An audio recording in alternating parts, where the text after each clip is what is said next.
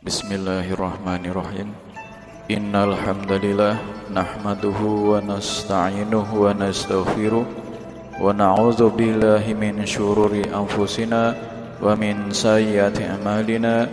May yahdihillahu fala mudhillalah wa may yudhlil fala hadiyalah Ashhadu an la ilaha illallah wahdahu la syarikalah wa asyhadu anna Muhammadan abduhu wa rasuluh Allahumma salli ala Sayyidina Muhammadin wa ala alihi wa sahabatihi minal muhajirin wal ansar wa man tabi'ahum ila yaumiddin.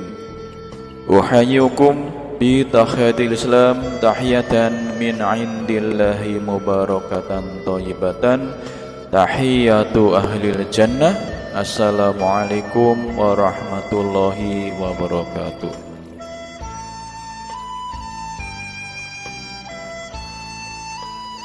Alhamdulillah pada pagi hari ini 1 November 2020 kita dapat bertemu kembali dalam acara Bronis ngobrol tentang Islam. Walaupun pada pagi hari ini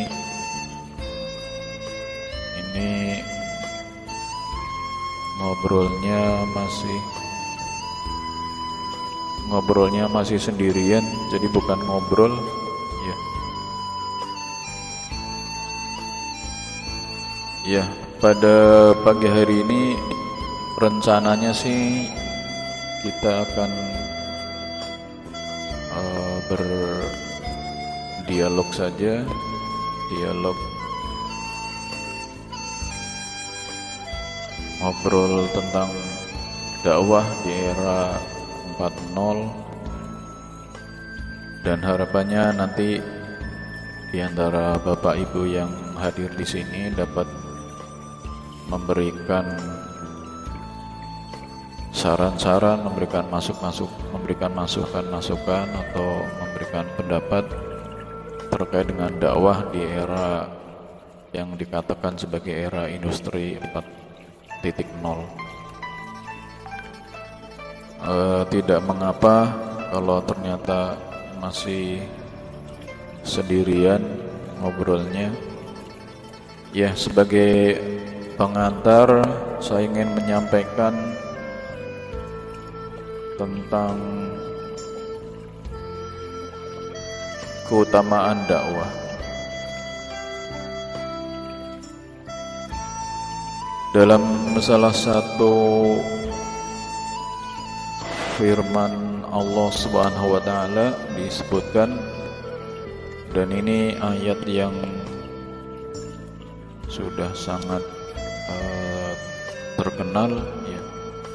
Allah berfirman, "A'udzubillahi minasyaitonirrajim. Bismillahirrahmanirrahim." Walatakum minkum ummatu yad'una ila khair wa ya'muruna bil ma'rufi wa yanhauna 'anil munkar. Wa ulaika humul muflihun.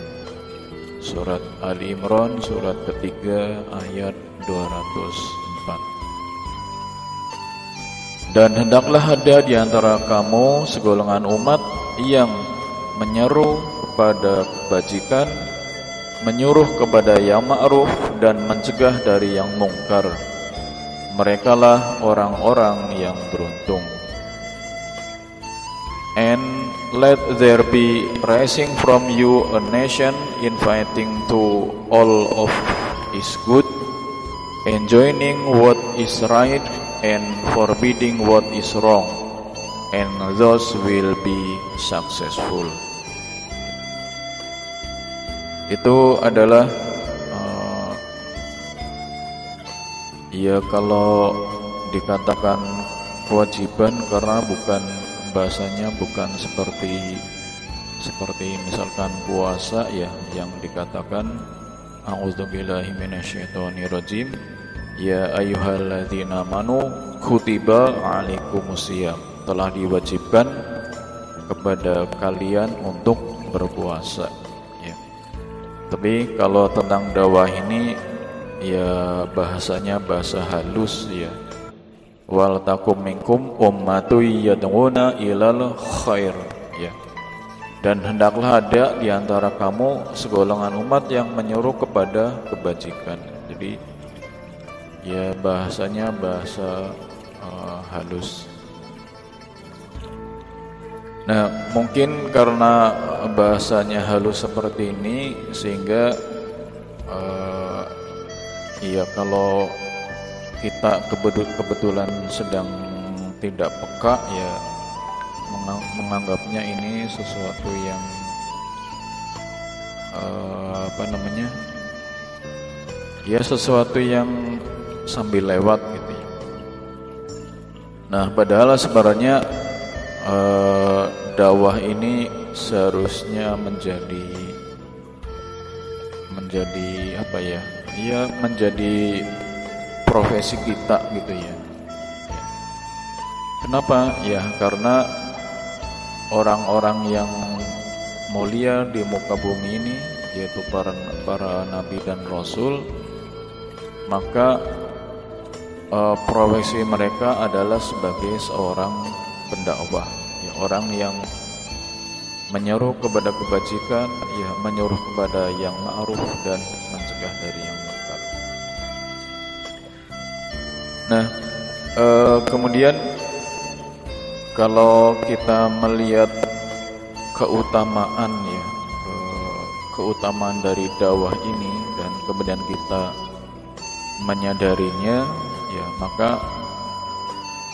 barangkali orang-orang itu akan berebutan untuk berdakwah ya sebagaimana halnya kalau kita melihat sekarang misalkan orang-orang saling ya bahasa gampangnya saling berebut untuk mendapatkan jabatan misalkan.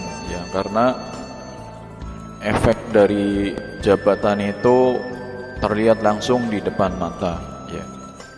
Misalkan ada eh, bahasa gampangnya ada orang yang menjadi wali kota atau bupati misalkan terlihat dengan jelas ya balasan menjadi seorang bupati wali kota itu ada rumah dinas ada mobil dinas ada ya berbagai macam kemudahan di dunia ya sehingga orang-orang pada uh, berebut untuk mendapatkan hal itu. Ya, salah satunya. Nah, sebenarnya ketika kita melakukan dakwah, ya, ada banyak hal yang akan kita dapatkan. Yang mana kalau manusia menyadari bahwa yang akan didapatkan dari berdakwah ini sangat besar, ya maka mereka akan saling uh, memperebutkannya.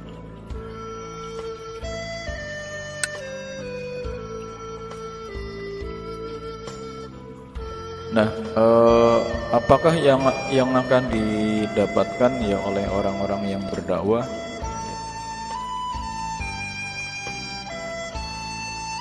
Ini, iya. Uh, ada beberapa hal ya uh, yang akan didapatkan oleh orang yang ber, berprofesi atau melakukan dakwah di jalan Allah.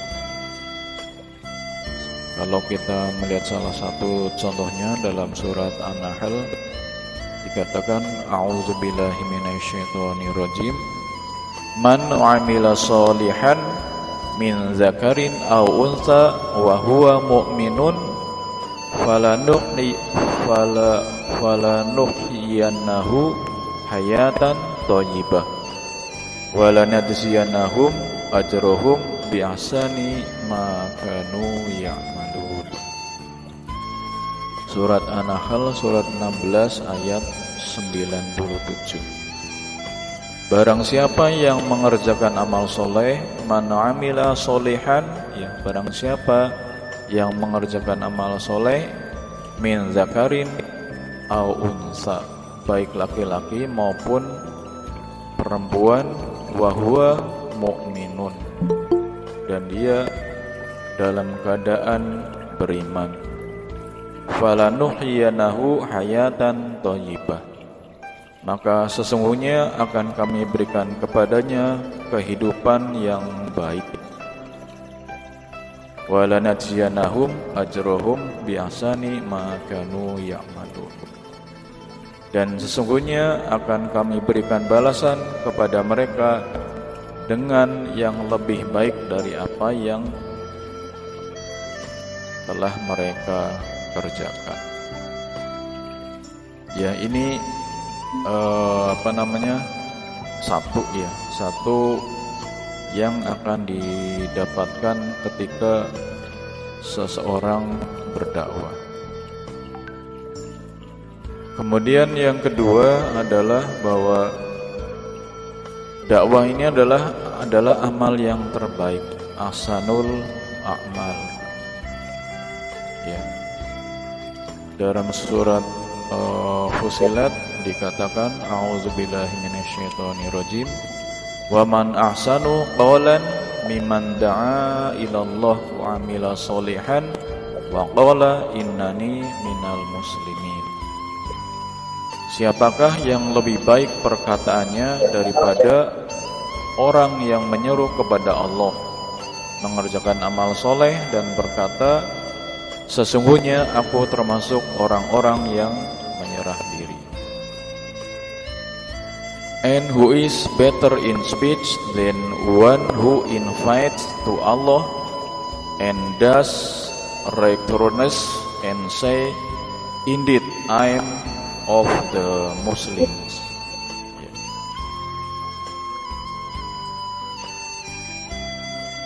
Dan uh, masih masih banyak hal lagi. Ada ya banyak hal yang akan kita uh, dapatkan ketika kita uh, apa namanya melakukan uh, dakwah. Nah, sebenarnya dengan dengan banyaknya keutamaan di jalan dakwah ini, uh, maka seharusnya ya kita sebagai seorang muslim ini saling saling berebut untuk uh, berdakwah. Uh, kalau tidak salah disebutkan balighu ani walau ayah sampaikan uh, apa namanya apa-apa yang dariku dari eh, Rasulullah Shallallahu Alaihi Wasallam meskipun hanya satu ayat. kemudian uh, apa dalam dalam salah satu pengajiannya Yai Yai atau Ustadz uh, Gus Baha gitu ya menyampaikan bahwa uh, ya hendaklah kita mengukur sesuatu jangan dengan ukuran kita ya. Jadi misalkan uh, kita merasa belum pantas untuk berdakwah, ya, kemudian kita uh, apa namanya, aduh kayaknya kalau belum pantas ya udahlah jangan berdakwah gitu kan, karena nanti mungkin akan begini, akan begini dan sebagainya. Nah itu ya kita mengukur sesuatu dengan dengan ukuran kita ya.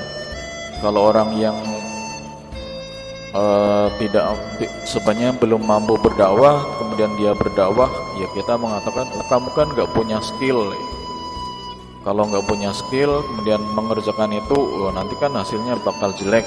Nah itu uh, itu ukuran kita ya. Uh, ya dikisahkan ya dalam salah satu pengajiannya Gus Bah itu jadi ada dua orang yang masuk neraka ya. E, dan ini ya orang yang memang ahli neraka gitu ya. Kemudian orang yang masuk neraka ini dua orang ini dipanggil sama Allah, dipanggil kemudian e, ditunjukkan surga. Ya mungkin bahasa gampangnya ini bahasa gaul ya. Tuh kamu lihat surga gitu kan. Oh, nah setelah melihat mereka melihat surga gitu kan. Melihat surga melihat surga uh, uh, dimasukkan ke dalam surga gitu ya. Nah ditanya di surga enak nggak? Ya Gusti Allah ya enak lah di surga gitu kan. Nah setelah dimasukkan ke surga karena mereka ini adalah penghuni neraka, ya, ya maka Allah kemudian nyuruh mereka, udah sana kamu balik lagi ke neraka, kamu kan tepatnya di sana gitu. Nah, yang satu orang ini langsung lari, lari dengan dengan sangat cepat masuk ke neraka gitu kan. Semangat lari gitu kan. Nah, ketika sedang lari itulah kemudian sama Allah ditanya, "Eh, tunggu tunggu tunggu tunggu. Kenapa sih kamu kok semangat banget lari masuk neraka?" gitu kan. Nah, si ahli neraka ini mengatakan, "Ya Allah, dulu ya waktu di dunia Aku ini males-malesan mengerjakan apa yang engkau perintahkan.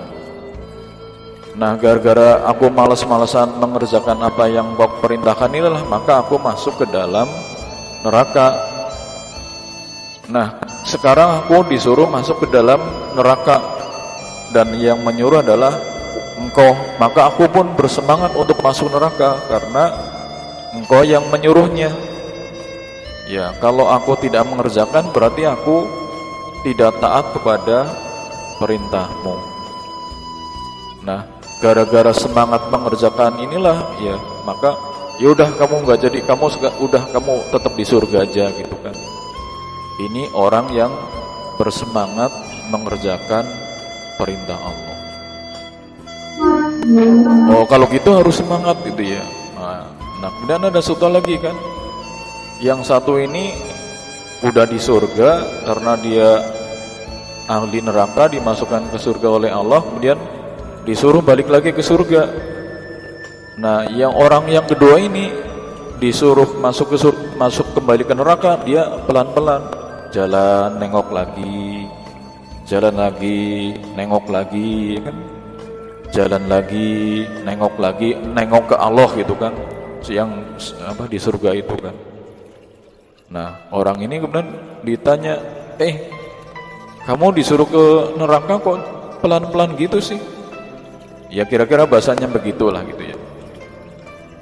Kemudian orang kedua ini ya yang mengerjakan mengerjakan perintah Allah dengan seolah-olah kayak nggak niat ditanya, "Kenapa kamu disuruh balik lagi ke surga? Apa disuruh balik lagi ke neraka kok kayak gitu?"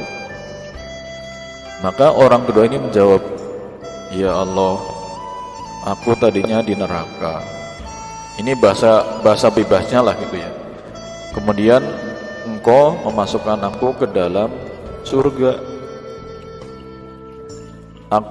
Ia percaya nggak percaya masa setelah engkau memasukkan aku ke dalam surga tempat yang menyenangkan kemudian engkau menyuruh lagi aku balik lagi ke neraka. Padahal neraka itu bukan tempat yang menyenangkan. Jadi aku ya antara yakin gak yakin memang betul gak engkau menyuruh aku seperti ini? Ya. Akhirnya orang uh, berat orang kedua ini akhirnya uh, apa? Oh ya sudah kamu di sini aja nggak usah balik lagi ke dalam ke dalam neraka sementara saya ngecas laptop dulu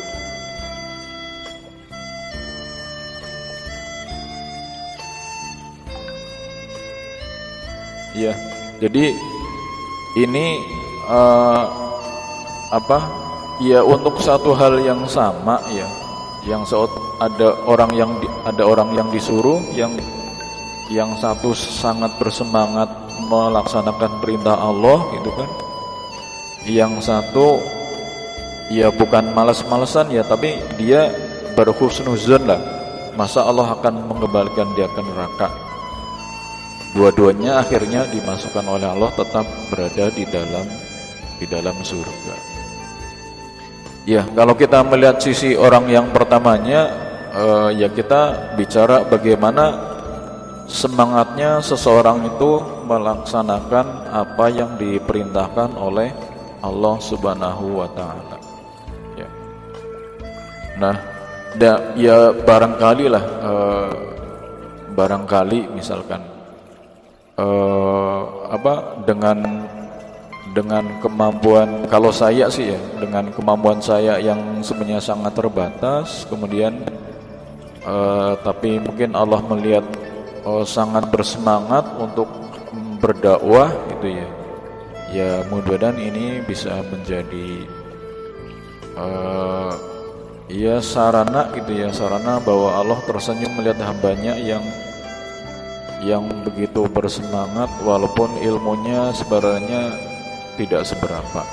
Ya mungkin yang dilihat semangatnya ya seperti itu. Ya jangan uh, sebagaimana dikatakan Gus Baha ya jangan mengukur pemikiran Allah dengan dengan pemikiran kita gitu. Uh, jadi ini ya intinya sih ya barangkali seharusnya kita kita semuanya ya bersemangat di dalam uh, dakwah Ya, uh, di sini sudah hadir uh, teman sejati Pak uh, Yuri. Ini saya ngobrol sendiri aja Pak Yuri, karena temanya tentang dakwah di era 4.0, jadi uh, saya memulai dengan uh, apa sih?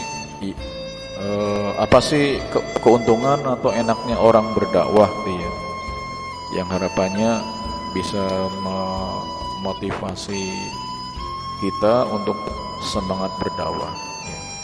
yang nah sekarang selanjutnya uh, dakwah di era sekarang ini ya tahun 2020 ya atau orang sering menyebutnya dengan istilah kerennya 4.0 ya atau era 4.0 ya e, bagaimana kita memanfaatkan eh, sarana-sarana e, yang ada ya. saya kira tentu saja kalau zaman dulu ya e, Rasulullah itu berdakwah pakai mengirim surat gitu kan uh, apa mengirim surat suratnya juga diantar pakai orang ya. Misalkan ngirim surat ke raja siapa ya bikin surat kemudian suratnya itu diantar ke sana gitu kan ya. Uh, ya tentu saja uh, saya kira kalau kontennya tetap sama ya hanya mungkin uh, bagaimana kita menggunakan sarana-sarana di di masa sekarang ini. Saya lihat ya uh, ada ya ada teman-teman yang yang memang sudah berusaha menggunakan sarana-sarana yang ada ya. Uh, termasuk kalau ustadz-ustadz terkenal kan uh, saya kira mereka uh, entah timnya ya yang yang saya kira sih yang jelas timnya lah berarti ya bagaimana memanfaatkan semua uh, sarana yang ada untuk uh, berdakwah. Ya, mungkin Pak Yuri ingin bukan ingin ya haruslah menyampaikan sesuatu. Silakan Pak Yuri, kita ngobrol ngobrol berdua nggak apa-apa. Tapi insya Allah ini uh, direkam ya. Kalau kemarin-kemarin memang ada kendala jadi ada yang rekamannya berhasil ya insya Allah itu sudah di upload ya e, pernah karena masih baru jadi direkam gambarnya ada tapi suaranya nggak ada ya. Kalau suaranya nggak ada lebih lebih lebih bagus ada suaranya nggak ada gambarnya daripada ada gambarnya nggak ada suaranya gitu ya Uh, kemudian ya waktu awal-awal karena hardwarenya jelek jadi direkam hasilnya hasilnya jelek ya kalau yang sekarang uh, ini sudah dicoba direkam ya. Uh, jadi artinya walaupun hari ini kita cuma ngobrol berdua, tapi insya Allah nanti uh, mudah-mudahan tidak ada kendala ya uh, sesuai dengan tema kita juga. Jadi nanti ini diupload ke uh, ke YouTube dan ya ke YouTube ke uh, podcast uh, ya mungkin di antara dua ini. Silakan Pak Yuri, mungkin ada yang mau disampaikan. Ya, terima kasih Pak Dwi. Uh, Bismillahirrahmanirrahim. Assalamualaikum warahmatullahi wabarakatuh. Waalaikumsalam warahmatullahi wabarakatuh. Ini secara fisik yang tampak cuma Pak Dwi, tapi kalau misalnya nanti ini di uh, broadcast berarti mungkin bisa dilihat oleh teman-teman yang lain. Uh, Alhamdulillah Rabbil Alamin Wassalatu wassalamu ala sayyidina Muhammadin Wa ala alihi wa sahbihi ajma'in amma ba'd. Ini materinya menarik sebenarnya ya Ini materi tentang dakwah di era digital. Apa nih dakwah apa nih? Dakwah 4.0 Ya. Uh, Itu istilah bahwa sekarang ini dakwah yang memanfaatkan segala kebaikan zaman, kemajuan zaman. Tapi tadi sebenarnya tadi saya waktu pas awal buka, mohon maaf terlambat bukanya. Pas awal buka ini, saya melihat Pak Dwi uh, cuma sendirian merekam videonya. Itu itu belum saya dengar materinya, baru menyaksikan Pak Dwi ngomong sendiri dengan penuh semangat tanpa ada orang yang masuk ke channel ini. Uh, sekalian juga uh, merekamnya untuk dipublikasikan kepada yang lain itu juga sudah membawa pesan dakwah yang sangat luar biasa masuk ke hati, saya. Dan saya menjadi saksi uh, Pak Dwi melakukannya kelak nanti di Allah Subhanahu wa taala. Amin. Bahwa meskipun uh, tidak ada yang mengklik channel ini, tapi Pak Dwi dengan niatnya sudah melaksanakan itu semuanya dan itu memberikan inspirasi bagi saya untuk uh, ikut-ikutan jadi pengen semangat seperti Pak Dwi ya biasa. Tapi saya modal uh, nekat uh, aja Pak Yuri. Kenapa? Kenapa? Modal nekat doang gitu. Putus-putus. Modal nekat. Modal nekat. Iya. Memang uh, itu bagus ya. Modal nekat itu juga sebenarnya untuk tahap awal itu bagus. Bahwa sudah ada modal gitu ya, ada kemauan uh, sebenarnya ini bukan nggak ada urusan kita dengan makhluk ya. Ini adalah urusan kita dengan Allah Subhanahu Wa Taala. Sehingga kita ini uh, begitu mendengarkan informasi tentang surga dan rasa ingin terobsesi untuk menjadi penghuninya. Kalau kita dengar informasi tentang neraka, lalu membuat kita panik dan ingin melakukan apa pun agar terhindar darinya Nah, perasaan-perasaan seperti ini membuat harusnya kita itu tidak banyak berpikir lagi, berpikir yang artinya uh, berpikir ulang-ulang untuk segera merespon apa pun yang Allah perintahkan. Dalam kondisi panik dengan informasi siksaan neraka yang sedemikian dahsyat, dan kita yakin bahwa neraka itu betul-betul ada, ini ancaman yang betul-betul nyata yang Allah uh, ancamkan kepada orang-orang yang tidak merespon seruannya, maka ini sudah cukup sebagai sebuah energi untuk kita melakukan apa pun agar terhindar dari neraka. Termasuk kalau memang Allah perintahkan kita untuk berdakwah, menyampaikan meskipun cuma satu ayat, ataupun ayat-ayatnya, ayat kauni juga boleh, ayat-ayat pengetahuan di alam, ya kita menyampaikan suatu kebaikan, suatu kebenaran itu hakikat yang merupakan ayat dari Allah Subhanahu wa taala. Itu pun harus kita lakukan. Karena kita merespon uh, perintah dari Allah Subhanahu wa taala. Nggak ada urusan dengan makhluk. Makhluk mau dengar mau tidak itu nggak ada urusan. Tinggal bagaimana caranya agar kita merespon seruan Allah secepat-cepatnya sebaik-baik. Makna yang saya sampaikan tadi nggak ada urusan itu artinya bukan berarti kita tidak berusaha untuk memakai cara-cara yang profesional sehingga makhluk-makhluk yang lain pun ingin, mengikutinya bukan tapi memang dakwah ini yang pertama adalah respon dahulu kita merespon apa yang Allah perintahkan kita lakukan. Masalah perbaikan itu sambil jalan dan itu wajib. Perbaikan itu wajib. Karena siapa tahu memang orang-orang tidak mengikuti dakwah dikarenakan bukan karena mereka hatinya tertutup, tapi karena para dai tidak pandai untuk mengikuti, memakai cara-cara yang disukai oleh manusia. Boleh jadi mungkin para dai yang tidak mengupdate pengetahuannya tentang ilmu komunikasi. Dia tidak tahu apa disukai oleh hati manusia di zaman ini. Sehingga dia tidak pandai menyentuhnya lewat apa-apa yang disukai oleh manusia. Lalu tiba-tiba sang dai buru-buru untuk mencap bahwa ini manusia-manusia ini tidak suka sama Allah Ta'ala. Tidak boleh juga. Jadi tetap usaha perbaikan yang terus-menerus tetap kita lakukan. Ya. Karena memang nahnu doat qabla kulli. Kita semua ini adalah para penyeru, para doat. Doat itu bentuk jamak dari dai ya. Kalau dai itu adalah tunggal.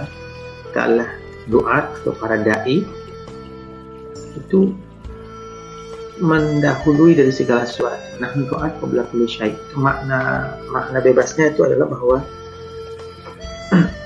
sebelum kita menjadi seorang mahasiswa, sebelum kita menjadi seorang dosen, pelajar, guru, anggota TNI, anggota Polri dan segala macam pekerjaan yang lain, sebelum kita menjadi semua itu, maka sesungguhnya ada uh, apa identitas yang melekat lebih kuat daripada semua uh, atribut-atribut uh, tersebut, atribut-atribut yang lain. Nah, identitas ini yang adalah seorang dai. Kita seorang dai. Jadi kalau misalnya kita sebagai seorang uh, tukang kayu atau sebagai pedagang di pasar, maka kita berdakwah sebagai seorang dai, kita berdakwah lewat pedagang. Ya, itu kalau misalnya kita sebagai dosen apalagi gitu ya dia bisa banyak menjadi uh, apa namanya menjadi seorang dai dengan profesinya sebagai dosen. Tentara pun demikian polisi pun demikian pejabat negara pun demikian. Dia melaksanakan fungsi dakwahnya di profesi ini. Nah fungsi dakwah di sini tidak semata-mata itu menyampaikan ayat-ayat Quran ayat-ayat kauliyah ayat-ayat Allah yang tertera di dalam Al-Quran ataupun hadis-hadis Nabi yang disebutkan. Tidak mesti. Karena kita juga bisa menyampaikan kebaikan-kebaikan tanpa harus menyebutkan ayat-ayat itu kalau memang konteksnya adalah umum general di mana ada berbagai macam agama di situ.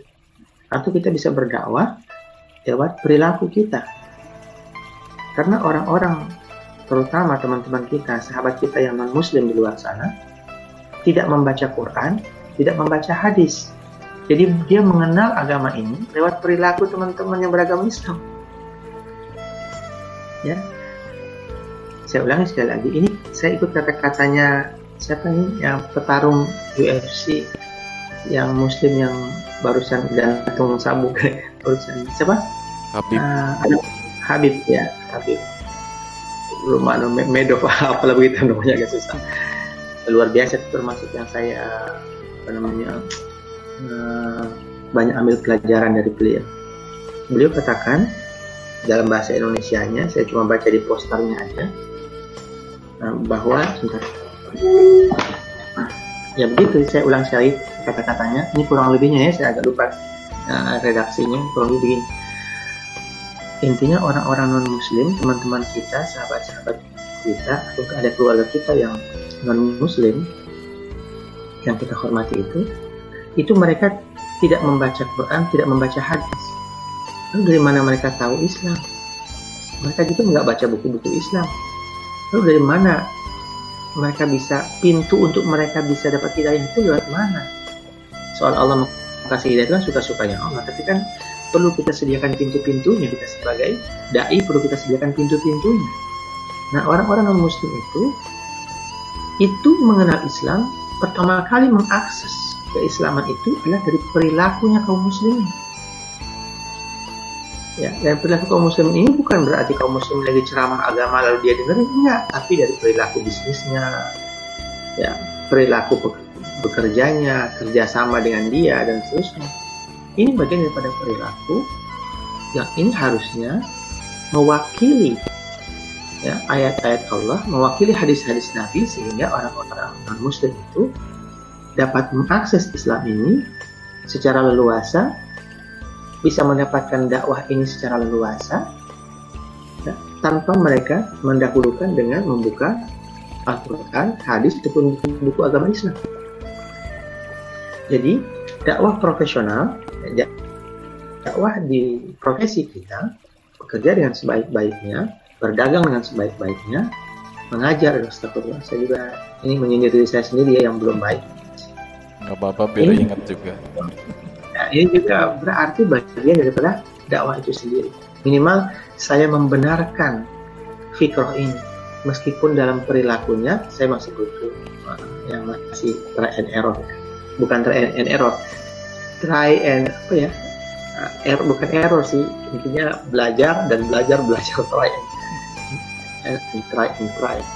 Ya, mencoba, mencoba, dan mencoba terus. Masalah salah itu adalah bagian daripada sifat manusia. Tapi kalau tidak mau mencoba, itu suatu kesalahan. Secara pemikiran, saya setuju. Namun secara implementasi, saya butuh waktu. Jadi begitu maksudnya ya. Artinya ibadah rahimahullah, dakwah itu tetap harus bisa dilaksanakan di bidang kita masing-masing. Gak harus menunggu sampai kita hafal hafal hadis, hafal ayat. Ya, tetap harus kewajiban hafal, tetap, tetap harus ya. Tapi jangan menunggu sampai itu terjadi karena kita nggak tahu mau itu kapan datang. Tapi sekedar kita jadi montir motor aja, kita ngerjain itu motor orang yang rusak itu dengan sebaik-baiknya dan begitu pas dia orang yang yang perbaiki motor itu ngasih duit udah selesai ya lalu dia mengucapkan alhamdulillah makasih pak hanya dengan mengucapkan alhamdulillah terima kasih pak menyampaikan dakwah dengan cara seperti begitu saja. Dia nggak bilang pak masuk Islam. Nggak usah gitu. Cukup alhamdulillah makasih ya pak.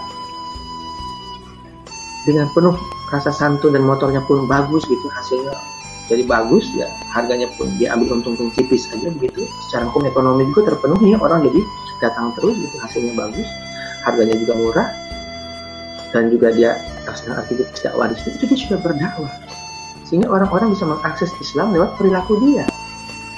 Nanti kalau punya nanti kalau orang-orang penasaran nih pengen ini orangnya ini alhamdulillah alhamdulillah terus pengen belajar lah Islam itu seperti apa? Gitu. Kok nggak seperti yang dibilang-bilang bahwa itu Islam tuh apa namanya barbar segala macam. Seperti apa sih ya itu akses pintu masuk. Kewajiban kita adalah memperbanyak pintu masuk yang natural gitu ya. Jangankan begitu kita naik angkot misalnya turun dari angkot kita bayar bang Nah, sama sopirnya bang nih bang makasih bang ya. Ada ucapan terima kasih. Ya kalau kita pakai peci misalnya gitu ya. Bang bang makasih bang ya. Ada ucapan terima kasih. Harusnya kita bayar bang ini bang. Sudah selesai. Ada ucapan terima kasih bang. Itu menentramkan hati. Ya kita beli kacang. Kita beli kacang apa namanya kacang goreng atau apa kacang rebus lagi itu berapa nih harganya sekian? Yang jual ini ibu-ibu tua-tua. Udah tua udah nenek-nenek berapa ini? Sekian. Kita kita kita berikan lebih. Makasih ya bu. Semoga berkah. Itu saja. Sudah bagian dari dakwah itu sendiri. Jadi tidak berat. Kita harus meresponnya di mana pun posisi kita saat ini. Apa pun status kita saat ini ini harus merespon dengan segera. Nah nanti kalau sudah punya kesadaran seperti ini kita sudah merasa terpanggil untuk selalu berdakwah lewat profesi kita lewat semua peran yang kita mainkan sebagai uh, ayah, sebagai suami, sebagai anggota masyarakat, sebagai uh, dosen, sebagai guru dan seterusnya gitu. Nah, kalau kita sudah punya kesadaran dan kita mau untuk berdakwah, melaksanakan kebaikan-kebaikan dan biarlah orang mengakses Islam lewat perilaku kita sebagai pintu awal uh, orang mengakses Islam, baru nanti kita akan naik derajatnya, tingkatnya kita naik, kita tingkatkan itu apa? Bagaimana caranya? Agar dakwah ini bisa dilaksanakan secara berjamaah, bukan hanya individual. Supaya kita bisa bagi tugas, supaya ada rapatnya di situ, ada musyawarah. Ini pahala lebih besar musyawarah ini, pahalanya lebih lebih besar. Gimana kita bisa ngobrol bareng-bareng membicarakan masalah dakwah ini. Dan si Anu bertugas untuk ini, si Anu seksi acara, si Anu seksi publikasi, kita buat sebuah acara, ngajak orang pada kebaikan. Ini akan jauh lebih, lebih berkah. Karena memang dakwah ini harus dilaksanakan sebisa mungkin secara ber berjamaah. akan jauh berkah. Ambil berkahnya saja. Nah ini dibutuhkan kekuatan pengorganisasian, organisasi. Ya. Nah, organisasi dakwah juga kalau tidak bisa dikelola dengan profesional, dia orang yang menulis itu tidak percaya. Kenapa? Karena tidak ada kemampuan organisasi Ya, orang ditempatkan bukan pada kemampuannya. Ya, eh, hanya masalah SOP aja orang bisa mutung dan tidak hanya SOP SOP bisa membuat orang jadi berantem, jadi berantem. Ya ini masalah organize. Bagaimana mengorganisasi dakwahnya itu, itu saya pikir itu tahapan yang paling kecil itu ya. Bagaimana cara mengorganisasi. Yang jelas yang tahap awalnya adalah kita menumbuhkan rasa kepedulian, rasa responsibility. Bagaimana kita merespon ketika Allah memerintahkan sesuatu ini urusan kita sama Allah Taala nggak ada urusan sama makhluk. Bahkan kita senyum ke orang pun nggak ada urusan sama dia ini urusan sama Allah kita lebihin duit yang kita belanja di nenek-nenek yang sudah tua itu pun nggak ada urusan sama si nenek ini urusan kita sama Allah Taala. Kita buka laptop ini nggak ada urusan sama saya buka laptop ya nggak ada urusan sama Pak Dwi. Pak Dwi juga berceramah ini nggak ada urusan sama makhluk siapa pun yang mau nggak ada urusan. Ini adalah merespon seruan Allah Taala jadi uh, apa namanya kaitkan dulu apa yang kita lakukan dengan ini merupakan bagian daripada respon kita. Bahkan kita kerja bagus di kantor itu, kita dagang dengan jujur, itu pun ada urusan dengan makhluk. Masalah keuntungan finansial itu adalah efek, itu impact, itu dampak saja. Tapi intinya adalah dia merupakan respon kita kepada Allah Subhanahu Semua itu nggak ada urusan dengan makhluk. Masalah nanti konsekuensinya secara uh, apa namanya hukum dunia, hukum kauni, hukum sebab akibat. Kalau kita berbuat yang profesional, berbuat yang baik, jujur, kerja bagus, maka nanti orang akan percaya, rezeki akan datang. Itu hanya dampak. Kita tidak intinya kita melakukan itu semua profesionalitas yang hebat itu semua karena ini adalah urusan kita dan Allah Allah yang menyuruh kita maka kita melakukannya inilah perbedaan motif yang membuat amalnya boleh sama tapi pahalanya bisa jadi berbeda amalnya boleh jadi sama secara fisik. Kelihatannya sama sama-sama melakukan hal itu. Tapi di sisi Allah ada orang yang mendapatkan pahala berlipat-lipat.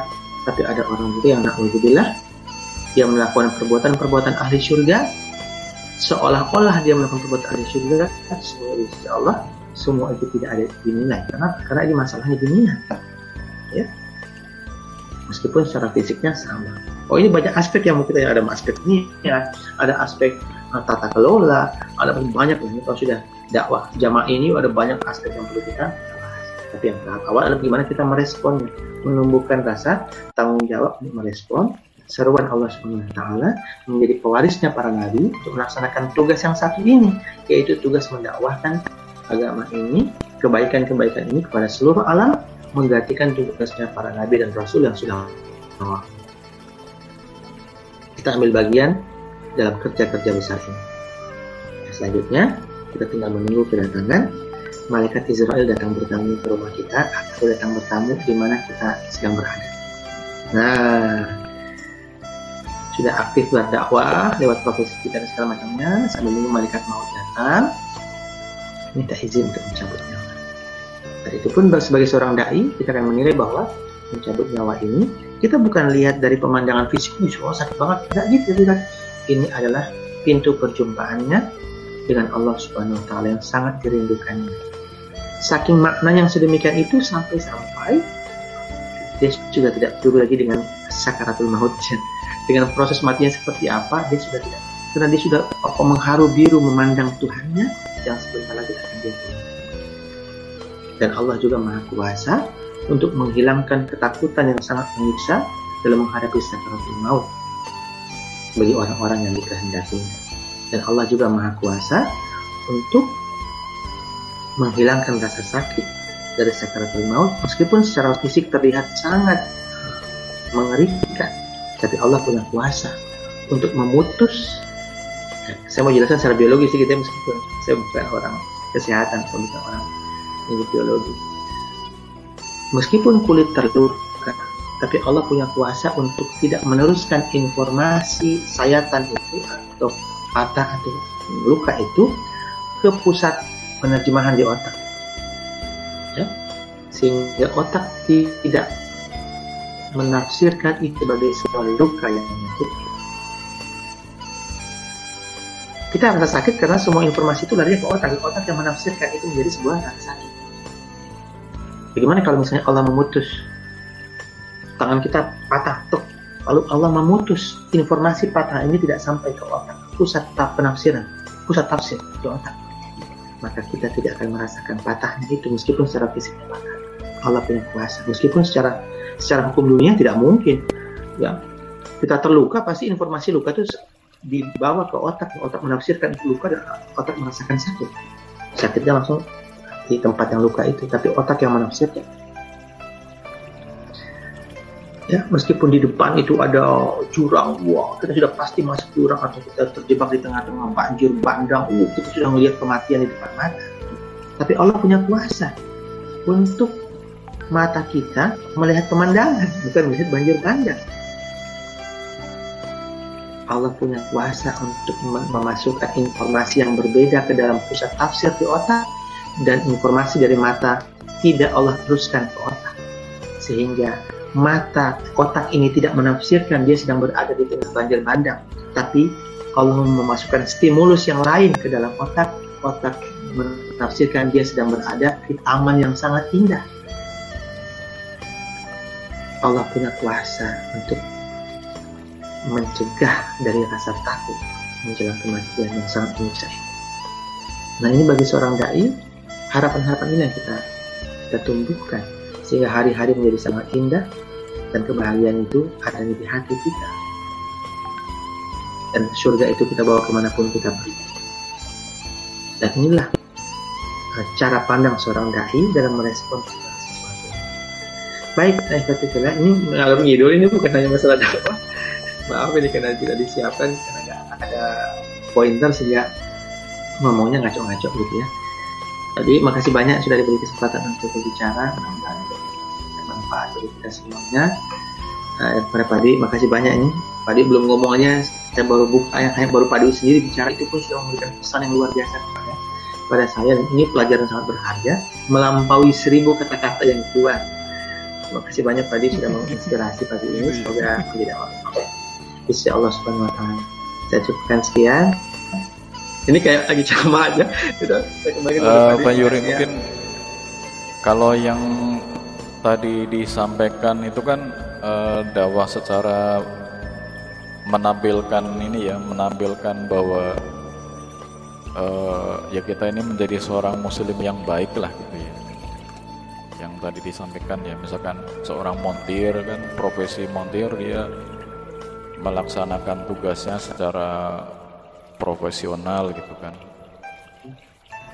Uh, ya kalau dikaitkan dengan topik kita hari ini gitu ya apa bagaimana kita berdakwah di di era, era industri 4.0 gitu. Gimana kira-kira isunya?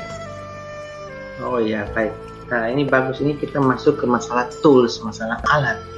Setelah kita sudah selesai di masalah motif, kita sudah selesai di uh, masalah apa namanya um, semangat gitu ya. Itu kita masuk ke masalah alat. Bagaimana caranya kita memanfaatkan alat ini menyesuaikan dengan zaman. Dakwah itu mesti up to date gitu ya. Jangan dakwah di zaman kontak, di zaman Rasul dulu kita terapkan alat-alatnya di zaman sekarang uh, ittiba'ur rasul dalam dakwah apa itu ittiba'ur rasul mengikuti, mengikuti. sunnah rasul cara-cara rasul dalam dakwah itu bukan berarti toolsnya pun kita copy paste ke zaman sekarang toolsnya itu menyesuaikan dengan zaman yang kita ittiba itu adalah uh, apa namanya semangatnya yang kita ittiba motifnya yang kita mengikuti sunnah rasul adapun metodenya tekniknya itu sangat disesuaikan dengan situasi, kondisi, kondisi waki. Waki itu ada kekinian dan kedisinian kita. Kita di Indonesia, kita di Lampung, kita di Lampung ya, yang lagi yang dengar uh, ini adanya di Papua, sono ya mungkin ada situasi dakwah di Papua. Itu bukan bermakna Rasul berdakwah caranya begini, dia pakai begini, lalu kita copy paste. Tidak. Kalau soal cara, soal alat yang dipakai, itu menyesuaikan dengan kondisi zaman tapi itiba itu ada pada prinsip-prinsip pokok itu yang kita itiba dulu Rasul waktu mau ceramah nggak pakai mic sekarang kita pakai mic itu bukan berarti bid'ah itu adalah menyesuaikan dengan kemajuan zaman. Justru Allah perintahkan kita untuk ini saya pakai mic ini mikrofon. Gimana gimana? Saya pakai mikrofon ini. Oh iya betul. Itu kan bagian daripada nah kita kembali ke yang contoh tadi yang Pak Dwi tanya tadi. Uh, apa namanya montir misalnya ingin berdakwah lewat profesi dia. Ya kalau empat titik nol montir sekarang belum tentu. Kalau hanya orang datang ke dia total total market ada 100%. Orang yang warawiri datang ke dia itu katakanlah 50%. Saya nggak tahu ini belum ada riset, saya tidak baca riset. 50 persennya lagi uh, konsumen yang yang suka didatangi. Nah, kenapa dia tidak mengambil semua pasar sebesar besarnya? Dia layani yang datang dan dia juga melayani yang yang manggil. Yang manggil pun kalau orang sudah punya nomor telepon dia, orang telepon. Sekarang dipikir, gimana orang yang nggak punya nomor telepon bisa hubungi dia? Gimana orang yang bepergian dari Jakarta ke Palembang lewat Lampung sampai di Lampung mogok ada kerusakan lihat kiri kanan orang tersebut dia tidak hafal daerah Lampung gimana caranya dia buka Google Map dia tanya ke Google itu mana ada bengkel terdekat di sini Google bisa jawab jadi dia mesti mendaftarkan mendaftarkan bengkel dia di Google. Ya, bahkan mungkin ada layanan layanan apa namanya apa itu yang datang itu layanan datang. Ketika dia punya anak home dua service. Service ya begitu. Jadi servisnya bisa bisa langsung mendatangi konsumen. Ya itu jadi semua ceruk market semua perilaku customer itu dia pelajari dan apa pun apa pun yang customer mau disediakan ibarat dalam dakwah apa pun di mana pun objek dakwah ini menolehkan wajahnya dia akan menemukan wajah dakwah kita dalam berbagai bentuk. Orang ini suka bola. Ada dakwah kita yang ngurusin masalah sepak bola. Orang ini suka suka teater. Ada kita lewat teater. Ya kalau bahasa bahasa gaulnya gini Pak Yuri ada kelompok rebahan gitu kan Oh iya. Jadi kelompok rebahan. Jadi harus ada tulus untuk yang yang suka rebahan juga gitu ya. Cuma zaman sekarang zaman rebahan kan orang kan semua lewat layar ponsel. Kita bisa bayangkan ada ada organisasi dakwah kita yang tidak bisa diakses lewat handphone. Itu ditinggalin sama anak-anak zaman now itu. Capek-capek kita pakai gaya lama. Betul dia sukses di zaman dulu tapi gak sukses di zaman sekarang. Karena sekarang ini semuanya selesai lewat harus bisa diakses. Ada websitenya. Website juga tidak nyaman. Orang sukanya itu video pendek. Ya, jadi luar biasa ini. Bagaimana caranya? Orang mau cari panggil ustadz aja di masjid itu mau cari-cari susah. Zaman sekarang tuh harus selesai di handphone. Dia cari uh, apa namanya penceramah di daerah Raja Basah misalnya. Harus ketemu jadi bagaimana caranya kita bisa membuat orang bisa menghubungi kita lewat ujung jarinya? Bukan bukan kita harusnya saya atau siapa ya. Artinya dia bisa mendapatkan akses dakwah atau akses pelayanan ya pelayanan motor rusak, mobil rusak, apa rusak segala macam pelayanan pendidikan anak rusak itu lewat ujung jari. Nah dakwah juga bisa masuk lewat itu. Dan ingat, dakwah kan bukan hanya seperti kita ceramain orang, tapi melayani dan menyelesaikan urusan orang itu bagian dari dakwah layani dulu sebelum dakwahi. Kalau orang sudah nyaman, maka kalimat-kalimat kebaikan ya, itu akan dia cenderung dia akan ikuti. Layani dulu sebelum dakwahi. Jangan ujung-ujung langsung mau ceramain orang, wah siapa juga yang terima siapa lu gitu. Tapi kalau kita sudah melayani, memberikan orang akan respect. Kalau orang respect, maka nilai-nilai itu akan seperti tentang Allah, tentang keesaan Allah, dia itu sudah mendapatkan akseptabilitas penerimaan publik karena dia dianggap sebagai orang yang jujur al-amin. Al-amin itu mendahului ros kenabian ya. Al-aminnya dia sifat yang dipercaya mendapatkan penerimaan dari publik itu itu mendahului kenabian mendahului bi'tah diangkatnya rasul. Dia sudah punya modal yaitu kepercayaan. Nah ini bagian daripada dakwah. Seorang dai tidak dipercaya perilakunya negatif segala macam tiba-tiba dia mau ceramahin masalah Islam siapa lu? Orang masih ngeliat orang masih masalah nah, jadi kalau bisa memang kita juga harus memperbaiki perilaku dan seterusnya sehingga kita tidak tidak ada alasan penolakan terhadap diri kita. Nanti setelah itu kalau kita mau berdakwah dan seterusnya dengan profesional kita itu lebih mudah. Nah, karena sekali lagi jadikanlah orang mengenal Allah dan Rasulnya ini lewat pintu kita wow kita berbondong-bondong merebut kayak tadi Pak. Dwi sudah sampaikan beberapa ayat. Surga balasannya bu. Bro. Surga balasannya. Wow terobsesi kita. Keputusan untuk masuk surga itu keputusan yang sangat besar. Tidak ada keputusan yang paling hebat saat ini kecuali keputusan untuk menjadi penghuni surga. Dan kita akan bayar semua harga tiket yang mahal kita akan bayar. Kita akan kerahkan seluruh potensi kita untuk bisa menjadi penghuni surga berjumpa dengan Rasulullah yang sangat kita rindukan seperti apa sih wajahnya itu seperti apa sih suaranya. Kita bisa berjumpa dan bisa bercakap-cakap dengannya. Dan di atas itu semuanya ada satu kenikmatan yang membuat para penghuni surga itu akan melupakan semua kenikmatan surga yang hebat itu. Kenal terlalu terpesona dengan, terlalu terpesona dengan kenikmatan yang paling dahsyat ini yaitu apa? Melihat wajah Allah Subhanahu wa taala. Allah menunjukkan wajah aslinya pada para penduduk surga. Nah ini kalau motivasi-motivasi ini kita akan semangat berdakwahnya kalau mau berdakwah hubungi nomor ini. Kalau mau ikut bantu-bantu biar cuma sekedar pasang spanduk biar cuma sekedar uh, apalah. Ibaratnya nganter teh ke ustadznya nggak apa-apa. Yang nganter teh itu tatoan misalnya gondrong karena dia belum bisa melepaskan kegondrongannya belum bisa melepas tatonya. Nggak apa-apa. Sini itu itu lebih sukses daripada yang ngantar minuman untuk ustadznya. Wah udah jenggotan. Wah itu mah ya, ya bagus juga sih. Tapi kalau kita bisa ngajak orang-orang yang belum preman di sana nah itu luar biasa. Berduka gitu. Uh, menangis rasa. Para malaikat wah ini orang. Bisa ngajak orang-orang yang ibaratnya sudah sama neraka udah akrab banget tiba-tiba diajak masuk pada kebaikan dengan cara-cara yang penuh penghormatan buat mereka juga senang ya. Ini pekerjaannya wah ini dahsyat juga kayak kayak gini nih. Hanya orang yang punya motivasi surga yang bisa semangat. Kalau enggak ini nggak ada duitnya. Nggak ada duitnya yang ada mah kita keluarin gitu ya. Tapi karena orang mengharapkan uh, balasan-balasan yang dahsyat nanti maka dia akan bersemangat. Ya itu mungkin. Jadi intinya menggunakan semua sarana yang inilah yang yang ada gitu ya Pak Yuri. Dengan uh, sesuai dengan konteks ya karena yeah. kalau di kampung kampung-kampung banget pedalaman ya tentu mereka nggak pakai internet. Kalau di kampung ya harus mereka fisik. Nah, tapi makanya sesuai konteks. Konteks zaman dan konteks tempat. Namanya wakil atau kekinian dan kedisiplinan kita. Siapa tuh cocok di Jakarta tapi nggak cocok di kampung. Nah, seterusnya.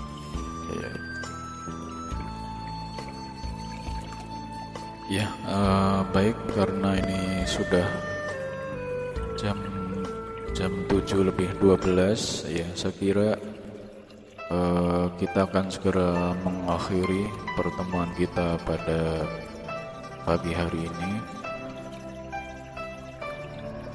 di dalam berdakwah ini ibaratnya kita ini sedang bekerja ya. kalau kita bekerja, misalkan kita bekerja di suatu perusahaan atau di ya seseorang yang yang menjadi bos misalkan. Saya kira tentu saja kita akan mencari perusahaan yang yang paling besar, yang paling bonafit ya, yang akan memberikan gaji terbesar juga buat kita. Nah, dengan demikian maka kita mencari profesi yang yang gajinya paling besar. Ya. Nah pekerjaan yang paling besar gajinya maka itu adalah pekerjaan menjadi seorang seorang seseorang yang berdakwah di jalan di jalan Allah. Ya berdakwah mengikuti sunnah Rasulullah Shallallahu Alaihi Wasallam dengan begitu banyaknya kenikmatan yang akan didapatkan ketika kita berdakwah ya, dan kemudian kita menyadarinya maka orang akan berbondong-bondong akan saling berebut untuk bisa berpartisipasi secara maksimal di dalam dakwah ini. Kemudian tadi disampaikan oleh Pak Yuri, ya dakwah di zaman now ya tentu saja harus menggunakan segala tools, menggunakan segala sarana yang ada yang dapat digunakan sehingga seluruh umat manusia ya uh, khususnya umat muslim dan juga buat sahabat-sahabat kita ya yang masih uh, menganut agama yang lain ya dapat mengakses Islam ya baik secara personal melihat uh, pesona kita sebagai seorang muslim dan juga dapat ya membaca atau mendengarkan atau menyimak uh, Islam itu seperti apa dari media-media yang dapat digunakan pada masa sekarang ini. Ada media yang sifatnya tulisan ya. Uh, kita bisa berdakwah menggunakan uh, blog ya. Hanya kalau orang Indonesia katanya kalau orang Amerika mereka sukanya membaca ya. Kalau orang Indonesia tidak suka membaca uh, sehingga ya mungkin bisa menggunakan sarana misalkan uh, YouTube ya Nah, kemudian yang sarana yang dapat digarap juga adalah menggunakan media apa? Media yang sifatnya audio ya, yang mungkin ini belum belum banyak yang menggarap yaitu media uh, podcast. Demikian uh, perbincangan kita pada pagi hari ini ya. Minimal bisa memberikan uh, inspirasi dan ya syukur-syukur bisa menjadi contoh atau menjadi model bagaimana kita berdakwah di era 4.0 kurang lebihnya mohon maaf ya atas segala kekurangan dan kepada Allah uh, mohon ampun kita akhiri sampai di sini sampai berjumpa kembali di lain kesempatan. Terima kasih. Sampai berjumpa kembali di kesempatan yang mendatang.